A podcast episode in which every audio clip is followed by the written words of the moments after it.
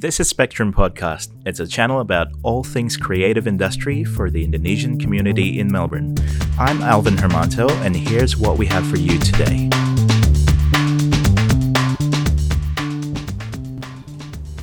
Our guest Lilian Darmono was one of the first ones that we've actually noted down in our list to interview when we first started Spectrum Podcast. Now, um, she's obviously a very busy woman, but you'll see why because she's very, very popular and she's highly regarded in her industry, which is motion graphics and illustrations. If if you're in that industry or have an interest around that industry, I'm sure you would have heard her her name or at least have seen her work before.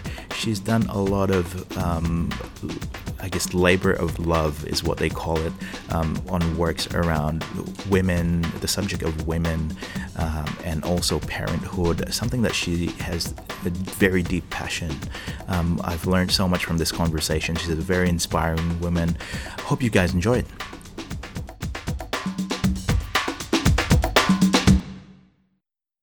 Lilian, thanks so much for coming in.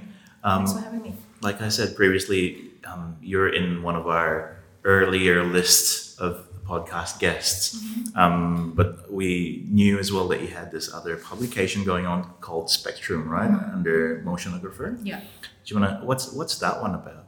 So that is to uh, profile people that I see or people that are minorities in the industry. So mm. we have women, people of color, women of color, yes. uh, people who are parents, uh, people who come from lower socioeconomic background. Yeah. Because the industry is 99%, you know, straight white men. Straight white men. Middle to upper class. Yeah. And, you know, like, you know yourself, like if you are from a lower socioeconomic background, it's really hard to get started in design because gear and hardware and everything costs a lot of money. And mm-hmm. it's, it's it's really hard to get started in the industry if you can't even afford a computer. Yeah. So that's that's what it was about. But now that it's over, totally different audience. So yeah.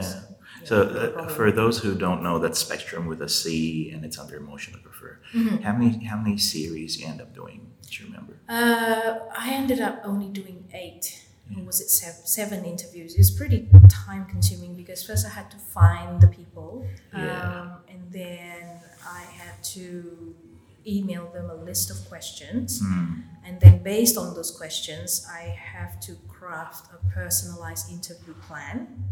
Wow. Then record that sounds it, like a lot of work. Transcribe it. Yeah. Listen to it. so you wrote it like you wrote the transcripts and everything yourself. Um, in the beginning, the editor of Motionographer helped pay for all the transcription service. Yeah but I find that in the later episodes, it's easier to do it myself because mm. then I run through the whole interview and I know it's quicker. You know, like I can condense yes. as I go. And then the final format is uh, written articles yeah. Motionographer with a few pictures of their work and yes. how to find them and things. And that, yeah, yeah that's that's a it's a lot of work. Yeah, because yeah. you're talking in in those in that case you're talking about uh, specific issues around gender equality, a little bit about, um, um, I guess, different backgrounds of races and stuff mm-hmm. like that. Sometimes yeah. those are very sensitive issues to some people. Very, very sensitive. Yeah. What type of feedback, at least from the community itself, the yeah. community that you love so much, obviously, which is this creative design and motion community, what's the feedback like after that? It's been really positive. That's good. Although I'm not sure how many of the uh, mainstream audience actually read it. Mm. It was a very different type of uh, content than 90% of the content that was on Motionographer. Mm. So I was conscious not to vet people by their work, by their folio. It's not mm. like, oh, if your folio is good enough, yeah. you'll make it to this, which is what Motionographer is all about. It's about curation. Mm. So if your work is good enough, you show up there. And I was very conscious about not doing that because if you come from minority areas, yeah. it's it's more likely than not yet you haven't been given the same opportunity, mm. and therefore your work can't be compared with your peers yes. from the majority camp. Yeah. So I had I had a, a pretty um, firm position on that, and I had to argue my way with the editor and um, other people who were uh, helping me um, get this stuff together, including a woman who's a producer now. She's with um, the New Yorker podcast, New Yorker Radio. Mm-hmm. She used to be a producer at the Mill, and she's a journalist. So she's a professional journalist. So she knows about all these things. And she said, "No, I think you need to. The work needs to be part of it." And I'm like, "No, Mm-hmm. we can't.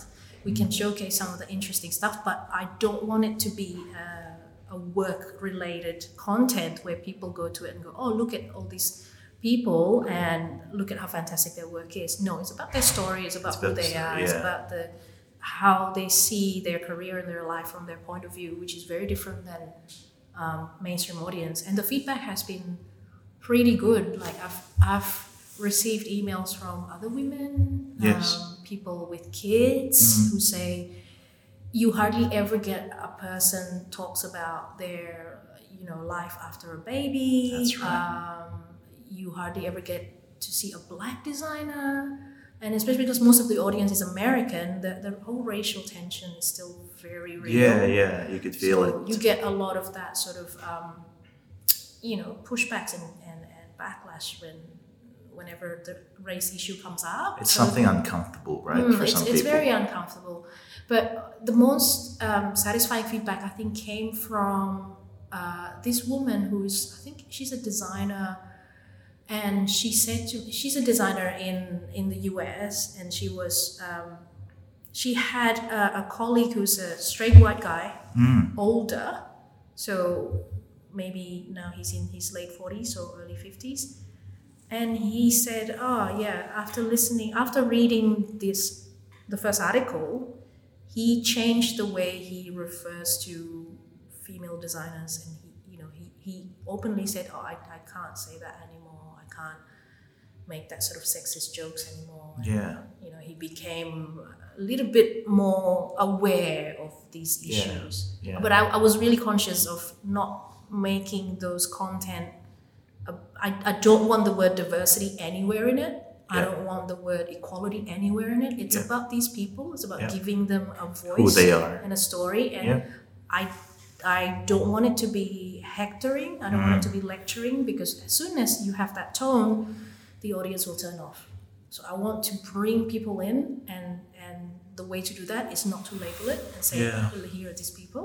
Mm. These are their stories. Have a read. Have a Yeah. think about it." Yeah, I read some of them. It's, it's very, very inspiring. And I'm, Oh, thank you. I guess it's it's something that I really, really respect. But because I said, you know, it's it's it's a very uncomfortable thinking thing talking about that, especially when you live in a multicultural society like in the U.S. or Australia, even or the UK. It it's one of those things that either you appreciate or you just don't like it at all. Sometimes, Yeah, you know, yeah. it's a bit. People have the extreme point of views around it sometimes. Yeah, yeah. Um, so motionographer was one thing, but you've contributed quite a bit in the community, and I can see have this passion and like giving that to the community that you love, which is creative, like this creative community. How important is things like that to you personally as a creative professional yourself? I think it's really important because I wouldn't be where I am today if people didn't reach out and help me. You know, I, I remember being a, a very young designer and I wrote to uh, one of the senior designers that used to work at Iloura. That was my first job at Iloura. And That's here in Melbourne. yeah. Yeah. And his name is James. And I'm like, you know, he's, he's famous. Like, he has a, a really wonderful reputation of being very talented, very good at his work. And, and then he moved to New York. He's Australian, but he moved to New York and he established Transistor Studio. Mm. And I wrote to him. I said, hey, like, you know, the usual thing of asking for pointers and advice. And, you know, I'm also a Swinburne alumni. He also graduated from Swinburne. And, you Me know, too, by the way. All right. yeah. Yeah. Yeah. Yeah, and um, he's uh, he's been very generous, and he wrote me a very nice, very long email, and very thoughtful. And he's one of the he's one of uh, you know several others who's done that to me. So I can't give back to them. I can only pass it on. Mm. So you know that's that's why I- I'm doing this because I think it's important. It's Yeah. just it's a hard industry. It is. It is. It's hard to make a living. It's hard to have that that balance of fulfilling your artistic needs Yes. and pleasing clients Yeah. and building a life around it, Mm. let alone a lifelong career. Mhm. We need the, all the help we can get. Yeah. And I guess coming back to one of your earlier points, for you yourself being, you know, picture yourself back then, fresh graduate, mm-hmm. A young Asian woman trying to make it in the creative industry. Yeah. How difficult was that for you personally? It was really hard. It was difficult. um, because I graduated wanting to be a motion designer. Yes. And this was in 2004 and it did not exist here. Did they have a motion design course in Swinburne? Uh, Was it yeah, more it, it was called Film and TV. Okay. Multimedia and then Film and TV. Yeah. Um, and I think if you study multimedia undergraduate, Mhm. you need to choose your streams in the later years, you know, the third and the fourth year. If you're doing honors, is four years. Whether you want to go interactive or you want to go film and TV. Mhm. Um, I did not study undergraduate multimedia. I studied undergraduate graphic design, Mhm. and then I did postgrad multimedia for a year. Mm. Um, and I got introduced to After Effects in the fourth year of my undergrad, and then continued that in postgrad. Yeah. And coming out, I was terrified because there's no industry. How am I supposed to get work? Yeah. Uh, so I asked my um, the head of department. I said, "Is there any sort of lecturing positions available?" And she said, "Yeah, there is a there is one. Uh, you can't be an assistant. You have to be like a full on lecturer." Lecturer. It was really scary, but I needed the job. Yes. And, And so you didn't have any experience working in the industry at that point. No. Yes. No, I, I did like one year of internship in a graphic design studio, so there was a good exposure in terms of Yeah. professional ethics and what people expect of you in a studio. Yeah. You can't be late, you know, people don't appreciate tardiness and like the whole, just the whole exposure of being in a, in a working studio where people have to interact and take feedback and what, what are lunch breaks like, how do you communicate to your colleagues. So it's, it's sort of that sort of exposure, but it was there was no technical uh, advantage as far as the career I wanted was concerned. So there's no motion component at all. And I remember coming out and then getting that position as a lecturer, and then door knocking like crazy, just sending my reels, sending my website to everyone I know, and Mm.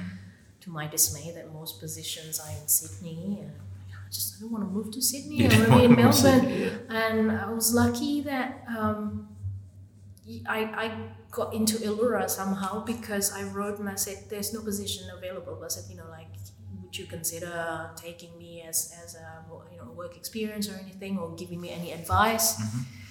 And the managing director, Simon Rosenthal, he liked my work enough. And he, at that point, he was actually thinking of having a motion graphics department because Iloura is a post house, but they wanted to have a motion design component because they saw it as a very cost effective way of serving their clients. So instead of doing stuff through the Flame suite and all the post suite, you do it through After Effects Right. and he saw my design training as a, an important asset. There's already another motion designer there, but he didn't have a design training. It was more like a, a post training. Mm, so more technical. Yeah, Yeah. yeah. Um, so he was kind of self-taught as an Mm. artist. So a very different approach. Yeah. Uh, and Simon thought it might be useful to have me on board, and he gave me a he created a position for me Right. basically. And I, I started cr- by creating um, titles for a Screen Producers Conference. Mm. Um, it was basically kind of just getting paid to muck around in After Effects, getting getting familiar with the tools and everything, and making something under their you know under the protection of a company. Yeah. But it was very hard because I didn't realize it at the time because I wasn't aware. I did not think that creative people can be biased or sexist, but I definitely got a lot of Mm. that sort of treatment Mhm. from the other designer, Right. whom I shall not name. And this was this was early days. This was very young. You just recently Yeah. graduated. yeah, Were you shocked? graduate. Were you shocked, or were you expecting those type of things to happen? Um, don't know if shocked is is the right word to describe it. It was very tough. I used to agonize and talk about it and wondered if I should report him to my boss. Mm. I should tell Simon about it. But I, I felt I, I felt really intimidated because I did not want to rock the boat. That's right. I don't so want to just cause went any along trouble. with it. Yeah, because the position was created for me. That's I was right. one of the youngest in the company, and I, I had to uh, learned a lot. I had to prove myself. And the last thing I want is to be seen as a troublemaker, as a, as a whiner. So I didn't say anything. Although Mhm. looking back now, what that person did to me was not on. Was wrong. It can be considered a serious workplace Wow. bullying. Yeah. He would write passive aggressive, horrible emails because he felt threatened Really? that I was going to take away good work from him.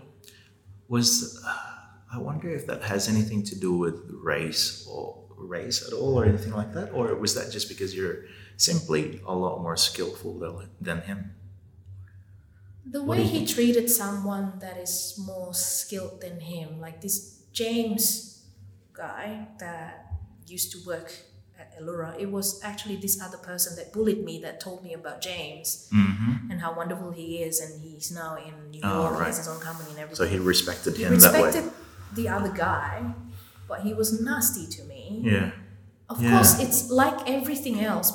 Racism, sexism, bias, and all this sort of stuff. It's very difficult to pinpoint, you know, because no one's gonna come out like except for very extreme right wing crazy nutbags. No one's gonna come out and say, it's not that you, absolute you, you, bloody, bloody, blah. You know, you yellow person, go Yeah. back to your country, la la la. Yeah. You get that in the streets, but in the workplace, people don't really say it out loud. Mhm. But the negative behavior, I am pretty sure now that I'm looking back, is because I'm a woman. yeah I'm not sure if, if my race has anything to do with it. I think he would be equally nasty Mm. to me had I been a, a white girl Mhm. um, or try to hit on me because I was Asian, I was not his type. yes Who knows? yeah But there was another guy in the room. We used to um, uh, sit in a room together, all three of us, and the other guy was constantly trying to, well, not really hit on me, but he was trying to be really friendly, to Friendly. me. And he loves Asian girls. yeah He had a girlfriend, but he was like, you know, he kept there's like the taps on the shoulder, and you know. But I I enjoyed it because I did not see it as a as that sort of negative behavior. You know, I'm like I, I was very naive. I, I did not suspect people. I thought everybody's nice and lovely. You know, and um, th- there's good and bad. I mean, there's days when we muck around. There's days when we really get along and that we bonded as a team of three. You know, all that sort of stuff. But there are days when they played me against each other. You know, they like all sorts of weird friendship dynamics. Like he would side with the other guy sometimes because I did not smile the right way. I don't know, whatever. yeah It's just a very awkward and weird Yeah. experience. and so how long were you in that job for Um, I was there for about a year and a half. okay Um, despite the negative experience, I felt very much looked after in that company. mm-hmm. You know, I, I felt like everybody was treated as a family. Simon is a brilliant leader. He has an amazing way of choosing the right people, except for that bully. Um, but you know, everybody makes mistakes. Every there's there's this feeling of of um, enjoying the work. Um, of everyone working together, I used to get up and throw my blankets off and like rush to go. to- I couldn't wait. You to were get to work. excited, yeah. I loved it. Um, you know, who doesn't love being paid to muck around with After Effects, Yes. right? And it's it's just I credit that as a founding experience in my life where I know what it's like to be valued. I know what it's like to be treated well, and that gave me the confidence that I am valuable, Yeah. and that sat with me until now. That helps me negotiating things for myself Mm-hmm. because a lot of especially women a lot of women don't have the confidence to like demand what is rightfully theirs Yeah. because they, they feel intimidated or they don't feel worthy Mm-hmm. i was thankfully not in that camp Yeah. because of that experience yeah so i was there for a year and a half and that, that was great And so throughout your career, because I, I know you went to London as well, Mm-hmm. is that right?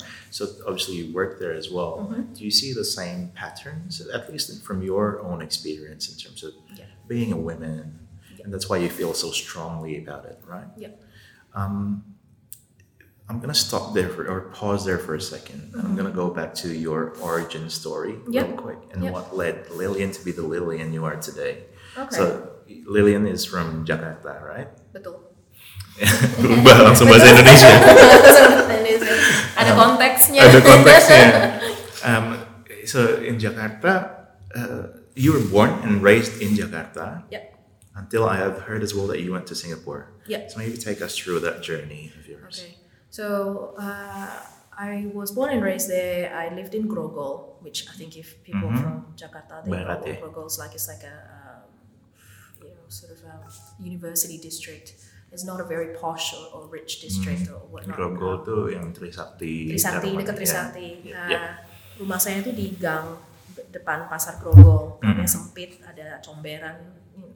My, my husband was shocked when I first took him there. So he like, went oh there, my god, yep. you grew up on a street with open sewage. On the streets. Said, yes, it, it has open sewerage, and the, the people on the street contributed money to build, like to make metal um, lids to close Oh, the yes. sewerage. Yes. But it's our own money. It's not the government didn't give us money for that. Yeah. So I grew up pretty much lower middle class. Money was always tight, and like you, you were surrounded. I was surrounded by all these stories about people getting sent overseas for education because that's the thing to do, right? If you're a middle class person in Indonesia, no matter your race, you're like, oh, going overseas to study is a thing.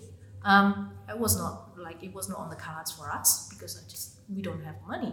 And one day my dad saw an ad on a newspaper advertising for a scholarship to Singapore, and he's like, "Why don't you apply?" I'm like, oh, alright. Baru lulus SMP, nggak ngerti apa-apa. Gitu. Oke, apply, apply. Lihat sampai mana, bisa sampai mana. Um, applied, and then I passed the three rounds of tests, and then before I knew it, okay, okay you qualify. Here's the ticket if you want to go. I'm like, shit, what should I do? I was terrified. This is you. Uh, I was umur 14. berapa? like 14, 15. I was 14, I was 14 and a half, I don't know what to do. And my brother said to me, um, This might be your only opportunity. It's like a golden opportunity. If you pass it up, you will look back and regret it. So I think maybe you should go. And I'm like, Okay. So I left. And it was really hard. Um, I was one of 25 students. Um, So you went as a group, as a group right? shipped off, Shipped off. on the same plane, Yes. in the same arrived and got picked up, buses, same hostel and everything. So we went through two and a half months of uh, intensive English training Mm-hmm. to make sure our English is up to speed with uh, all the schools, so we could learn the lessons properly. And that was that was okay. The first two months was kind of fun, and there's a little bit of like tension because I don't know. I started having friendship problems um, because I was young uh, everybody else was already like I think 15, 16. I mean, it's not much of a difference, but when you're, You're a teenager, between a 14 year old and a 16 year old is Yes. a big gap.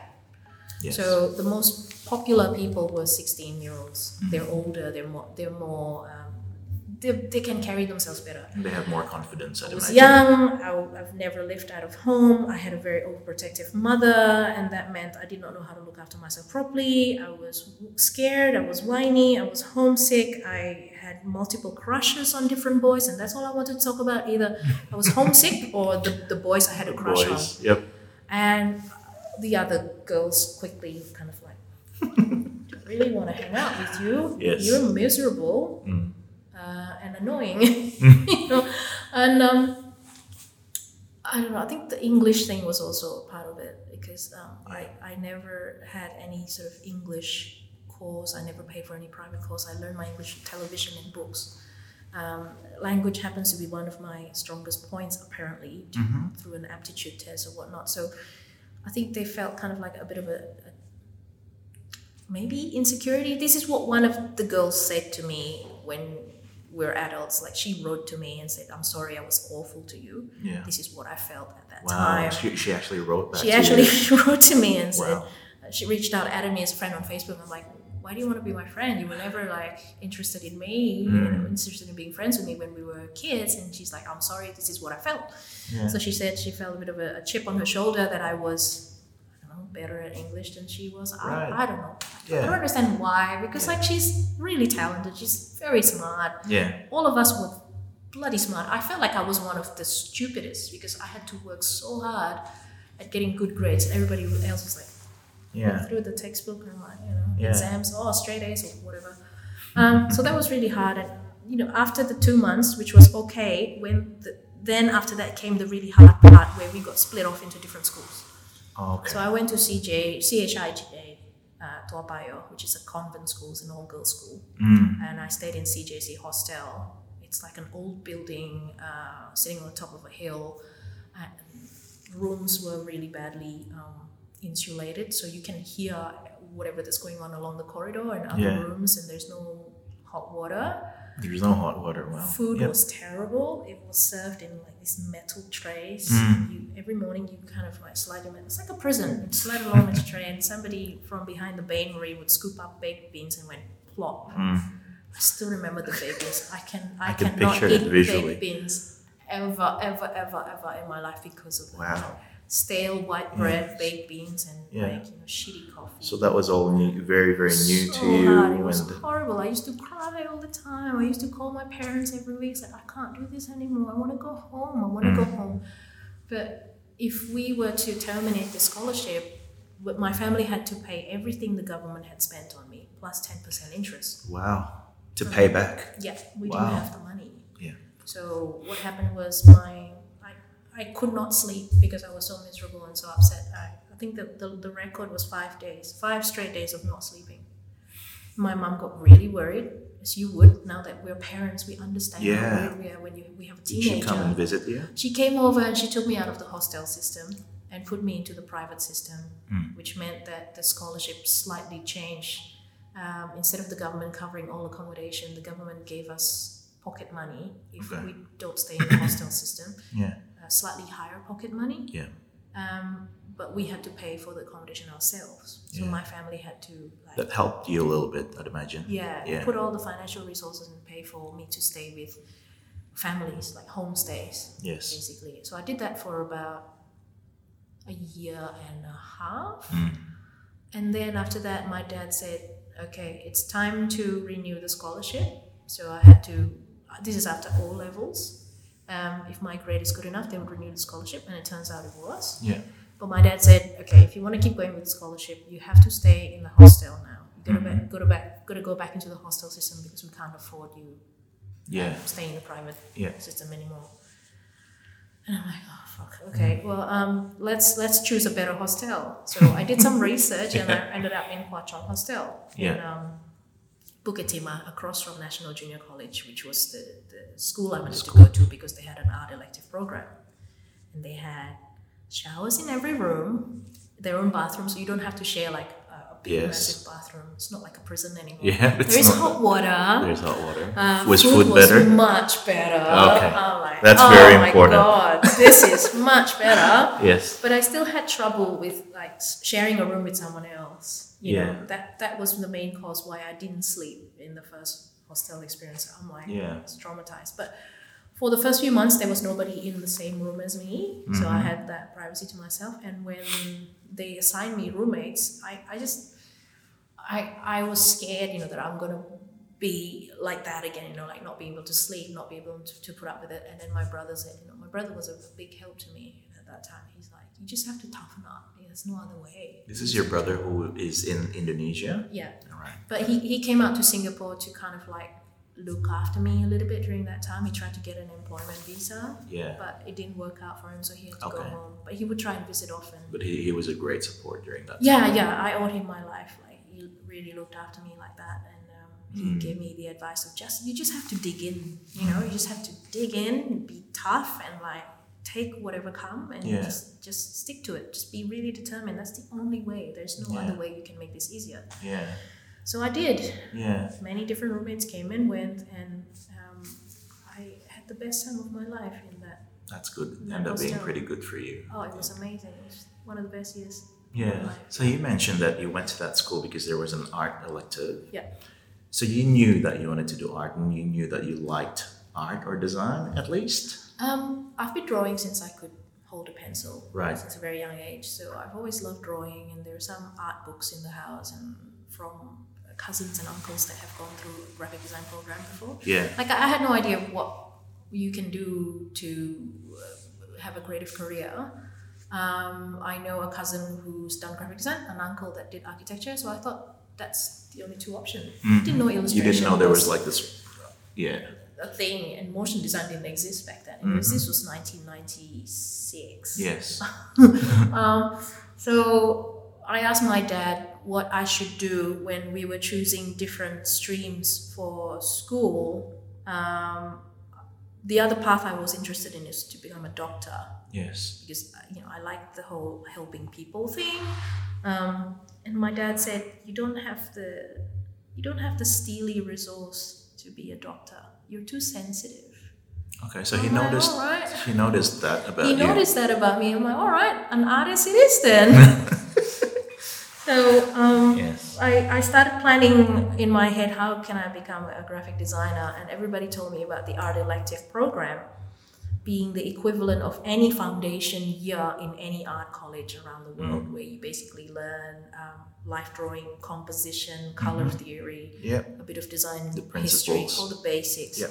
And it's prestigious, and people from that program have ended up with scholarships in Goldsmiths and St. Martin's in London and things like that. So I did my best to apply for it. I had a, a an older student that was a year above me that has been through it in the same college, in National Junior College, and he gave me advice on what I should put in my application portfolio for Yep. the program. And I met up with the head of department, and she was very scary and strict, and she said, "You know that I can kick you out anytime if you're not performing." Way Yeah, to go, man! Yeah, that's a great That's motivation. because most people that entered the program have already done it in the secondary years. I did not You because I yeah. chose a, tri- a triple science major Oh, okay. Yeah. in secondary school. So I did not do art. So I had to make up a portfolio on my own. Yes. Uh, put it in a A4 binder and gave it to her, and she So those it. are mainly drawings, illustrations. Yeah, Yep.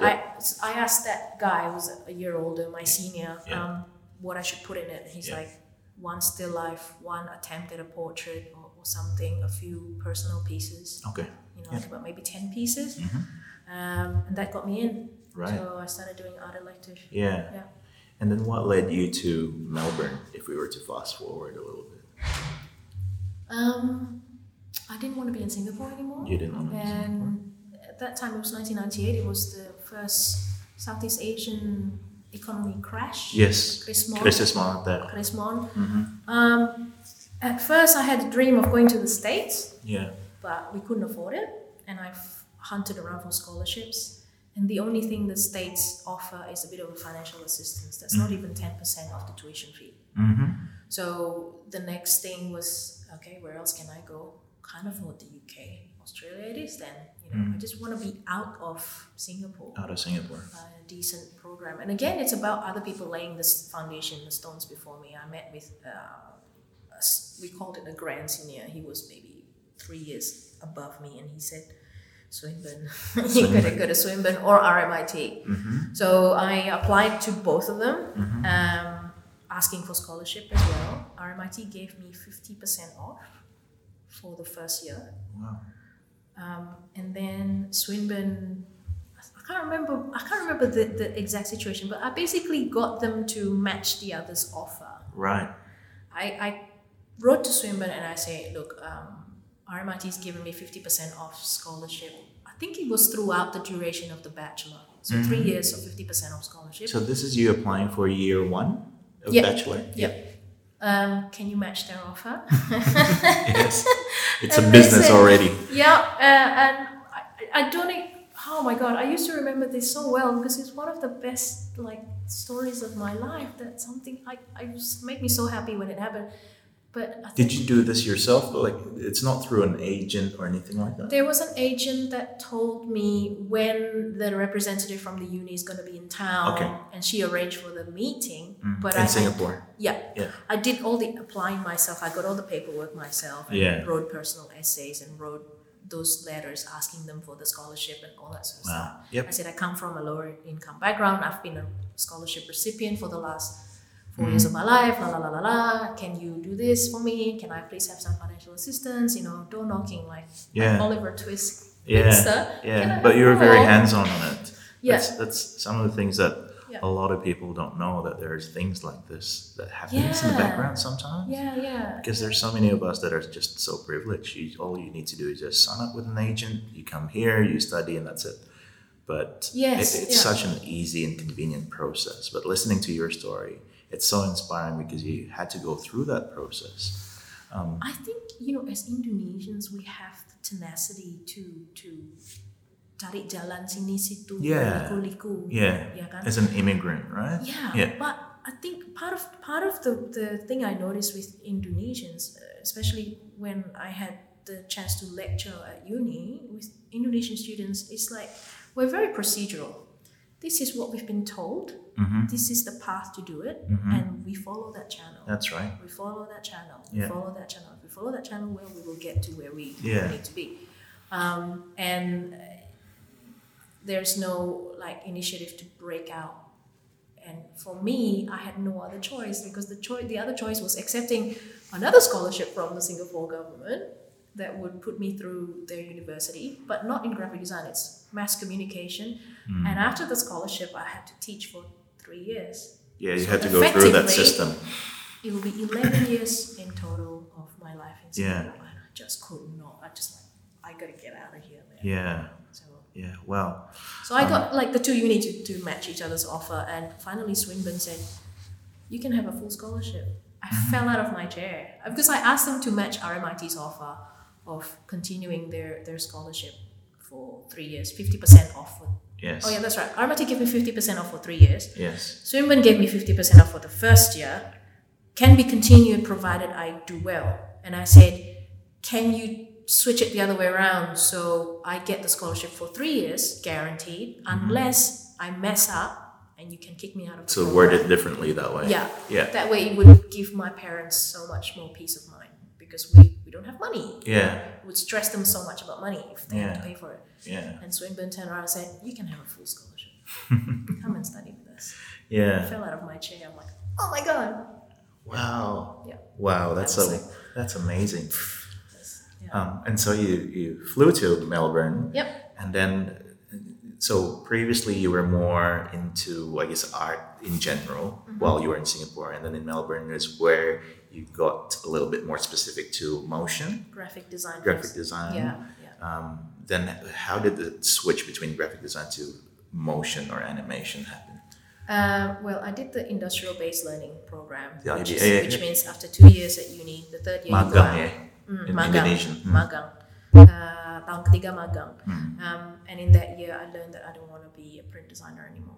Yeah. It's just too dry. Yeah. Yeah. um, uh, and fourth year, you go back. You finish right. your thesis, you do your final year, and then you graduate with honors. That's right. And then, as part of that fourth year module, you got to learn something extra. We got Mm-hmm. to learn After Effects. So you, I was that was was that an elective like the After Effects thing?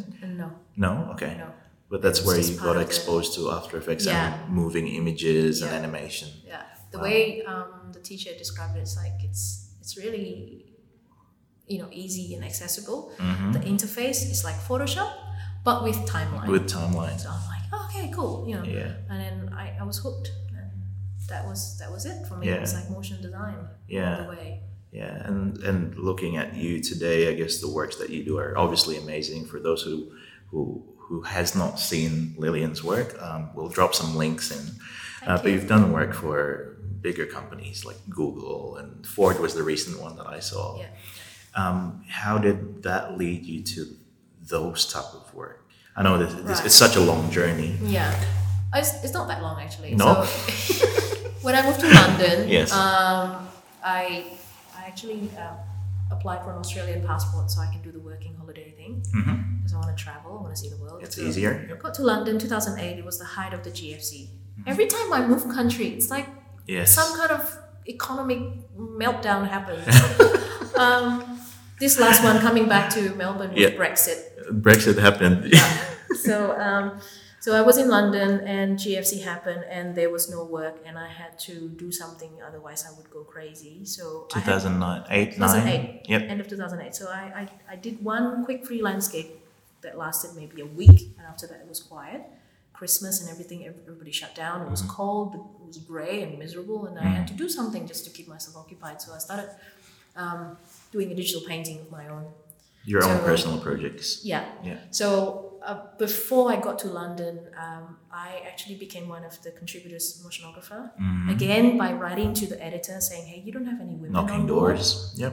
I did not want to be a contributor. I just said, "Hey, you don't have any women on board. Can you like do something to fix that?" Mm-hmm. And he's like, "Okay, join us." So I got invited to be part of the contributing team, uh, myself and two other women. So Mm-hmm. the three of us were the first women on the team, 2008. Um, and then I got to know this really talented guy called John Saunders. I saw his portfolio. Yeah. He's got this really interesting textural Photoshop layers on it. I'm like, how do you do that? You know, and because we're on the same team, we're starting to become friends. He gave the file to me. Right. So in you saw the layers and complete generosity. behind the scenes. Yeah, I'm Yeah. like, oh, that's how you do it. So it was the first time I learned about adjustment layer, about So putting texture onto onto solid shapes. So I experimented Yeah. with those techniques and make my own digital painting. Yeah.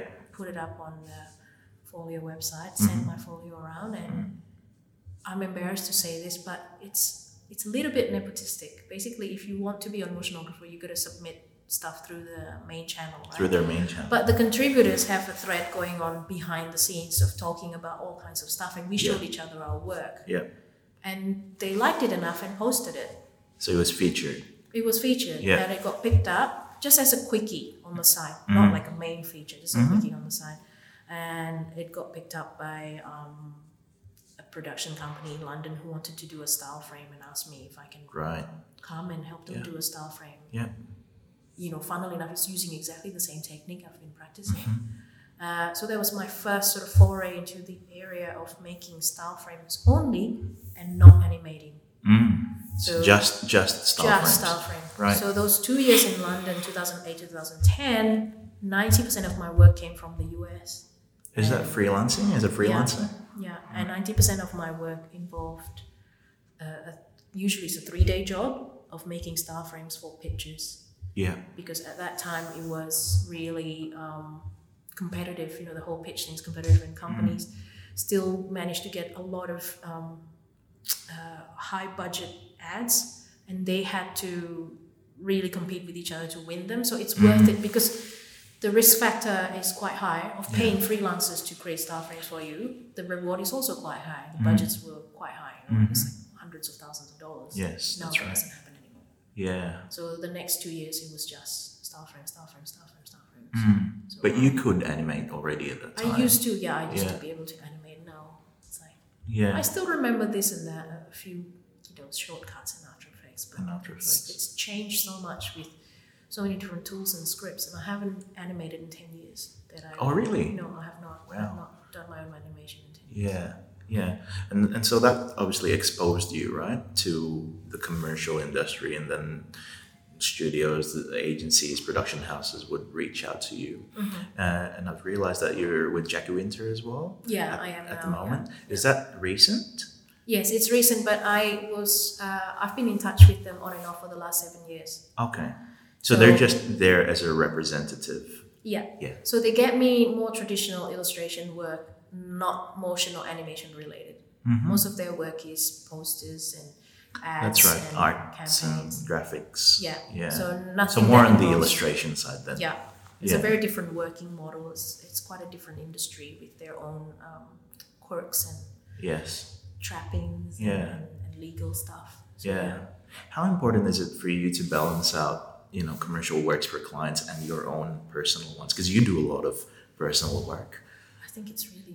It is? Because I think the myth that we were taught at art and design school is like you make what you love and then somebody will come along and pay you And money pay to you. do it in terms of style and the type of work you create.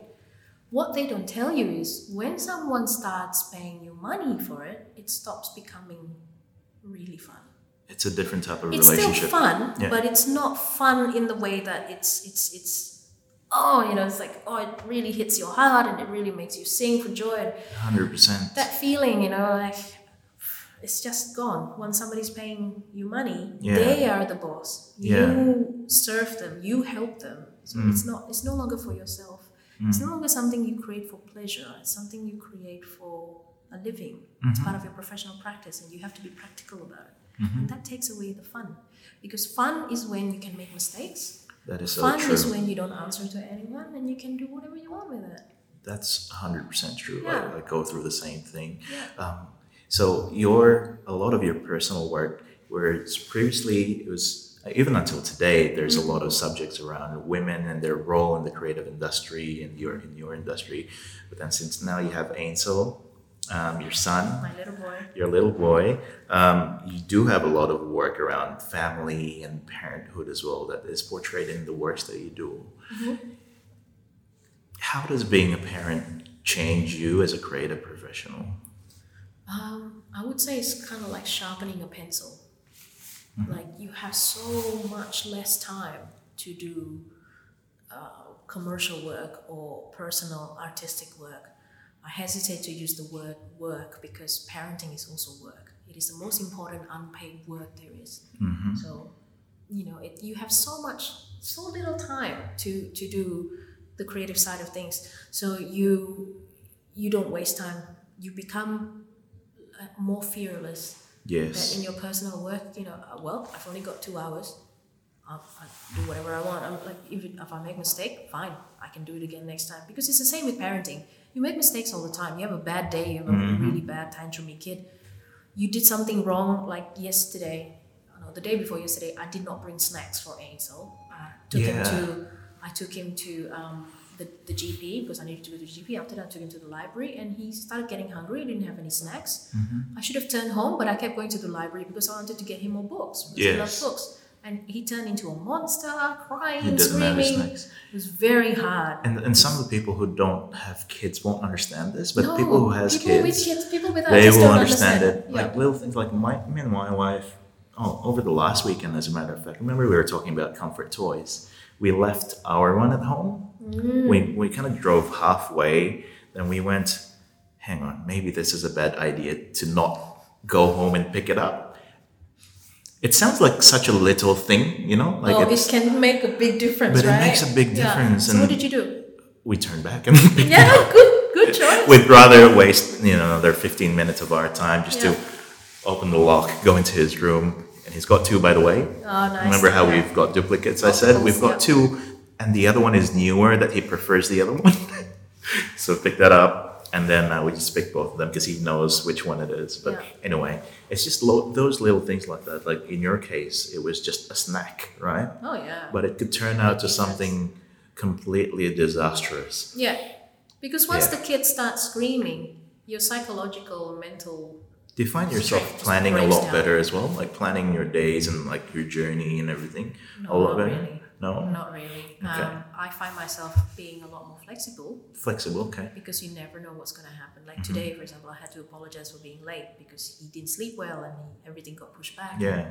I had to rock up late, and yeah, it, you just have to be flexible. You just have to keep going. So, in terms of being uh, a parent, my attitude towards work is, is, is really completely different. I, I can't. One of the most important things is, is is the whole thing about career, right? This definition of career, what career means to me before I had a kid. Now that I have a kid, it doesn't mean the same thing anymore. Mm. And I feel like that's changed me for the better because now it's all about the craft. I, it's, I just want to be better until the day I can no longer paint or draw or make illustrations or do anything artistic or creative. Um, I no longer care about position or prestige or big clients.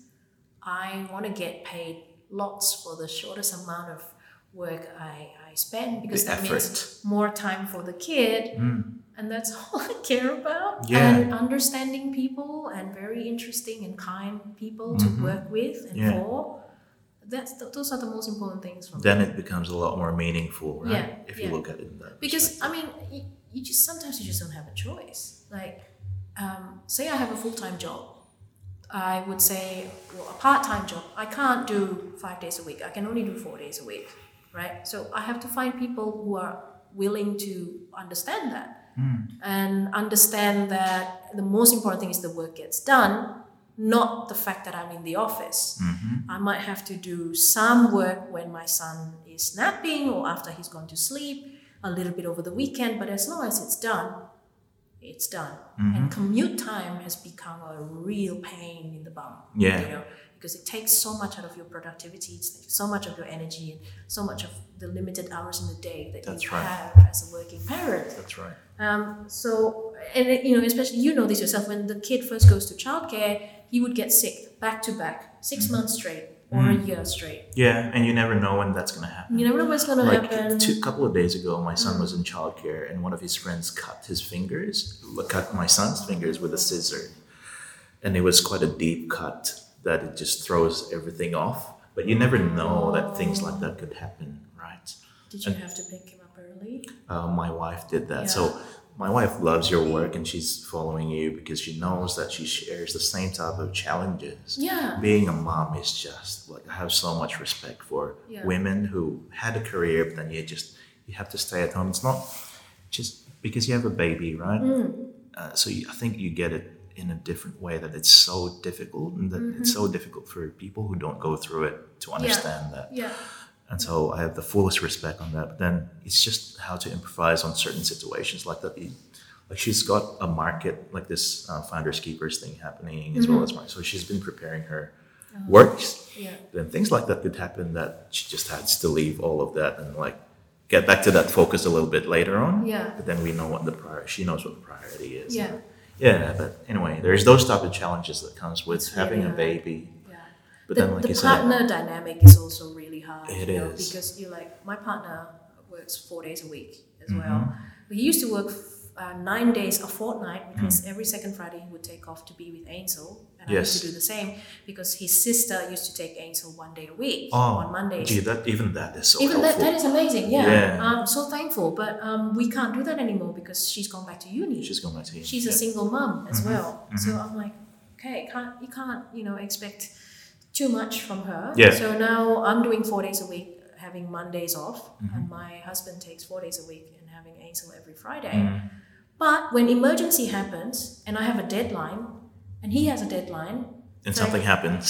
how do we juggle this? You That's know, text, furious text messages, quick, quick, quick, quick. You know, like phone calls. Uh, can can you do? Can you And pick him so up? and then I'll as do well. this, and then Yeah. you know, because again, everything everything is kind of like interconnected. you Yeah, know, and boy, to have a like when challenges happens like that, it's so hard to think clearly and logically that Mm. Yeah. you have to react to it. You feel like you have to react to it as soon as possible. Absolutely. Um, but yeah, Yeah. I, I completely, I completely like because he that. cooks, he's the one who cooks. It means if he picks up Ansel and he puts Ansel to bed while I have to That's finish right. something in the office, That's right.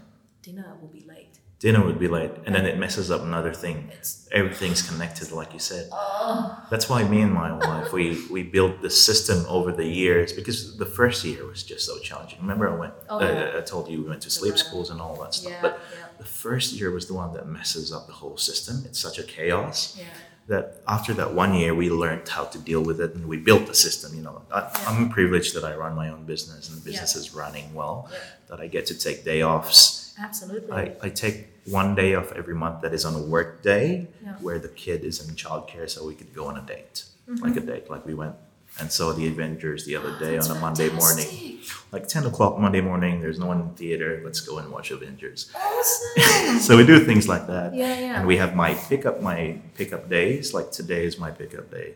Yeah. And every time our son Ezekiel is with Irene at home by themselves, so that's usually a Tuesday, I would leave the office around four o'clock yeah, and not to so I, I never work over hours now. Yeah, um, so we try to build all of that and because of that that that makes things a lot better over time. Mm-hmm. Yeah. but we, you just learn as you go and different kids are different. Yeah, um, i guess where this leads me uh, is just about being a creative professional and you Mm-hmm. are still working and you're still producing work and there's a demand for your work when you're being paid, this is where like the relationship is different because someone you have a client paying you, you're not an artist doing work for yourself. Yeah. Which kind of means like you have to be a professional. yeah.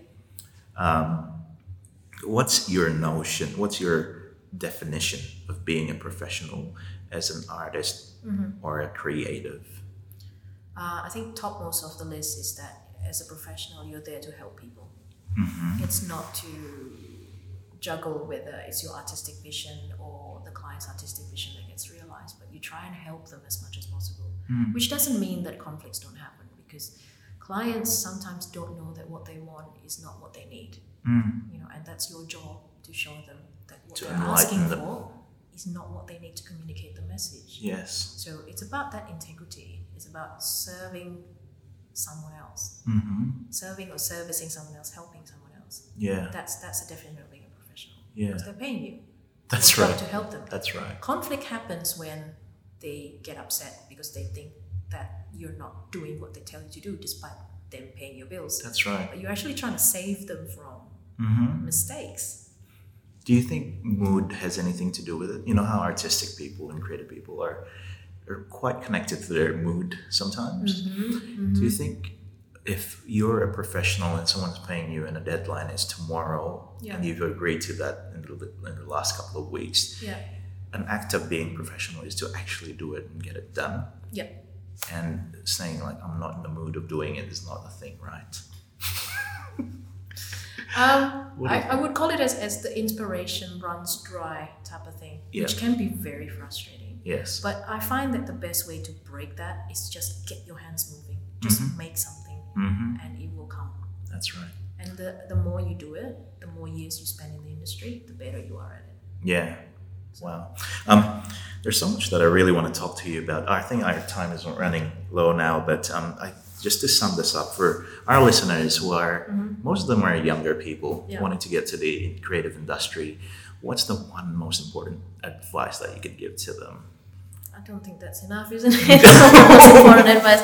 I think when you're young, um, one of the most important things is to find somebody that believes in you and looks after you and nurture you and provide you with a good, secure environment. So if you're looking for a job, that's important. Yeah. If you feel the studio is, is harsh and cold and um, abusive and uses you and takes advantage of you, like a lot of young people don't know how to argue that say they're freelancing and they have a day rate they don't know how to specify that that day rate only covers eight hours Mm. anything more than that you got to pay extra That's or right. anything more than that they just don't, they won't do it because they're young they're naive and a lot of people do take advantage of that so Yeah. you got to know your rights you got to protect yourself and you Yeah. got to find people who believe in you and care for you Mm. the rest is easier would say. The rest is all about developing your craft and just keep doing something making it better every time um, always. Because you, the thing about this profession is a lot of young people i think there's this myth in the industry that especially with stuff like young guns awards and 30 under 30 and all that sort of stuff that they have to be at their the best the top of their game before they're certain Before they're of a 30. certain age before they're 30 before they're 40 whatever. I, I think that's a wrong way to do it i think I'm you're going to see it as a long game Yes. that if we're lucky we get to do this for the rest of our lives you 100%. You can't peak too early No. or you can peak too early, but then you have to keep pulling yourself through the dips and you gotta keep going back up and down and up and down. So you just have to keep going. You gotta see it as a long game. You gotta pace yourself. Mm-hmm. Um, having said that, I do understand that the industry is very competitive, that it's it's absolutely fine when you don't have a family, you don't have any dependents, you pour yourself into your work and you work 12, 13, 14, 15 hours a day. That's, I guess, if you have to do it, you have to do it, but you need to look after your health too. Yeah. Because Yeah. if you get sick, that's Yeah. it. Nothing else matters Health if you get is still sick. the most important thing. Yeah. Yeah. Awesome. Um, there's so much to take on in this conversation. Well, I'm, I'm pretty sure it's it's beneficial for a lot of people. Hundred percent, I believe in that. But um, I know you're busy. Thanks so much for coming in, Lilian. Thank you for having me. Really, really appreciate it. We hope you have enjoyed this episode. If you would like to listen to more stories and conversations like this, visit our website spektrumpodcast.com. Make sure you also subscribe to us in Apple Podcasts, SoundCloud, and YouTube, and follow our Instagram at Spektrum Podcast for all the latest updates. That's a Spektrum with a K, by the way. If you have feedback and suggestions for us, send it to dan at pencilrocket.com.au or directly to myself, alvin at relab.com.au. This show is produced by our friends at Pencil Rocket. I'm your host, Alvin Hermanto, and you have been listening to Spektrum Podcast.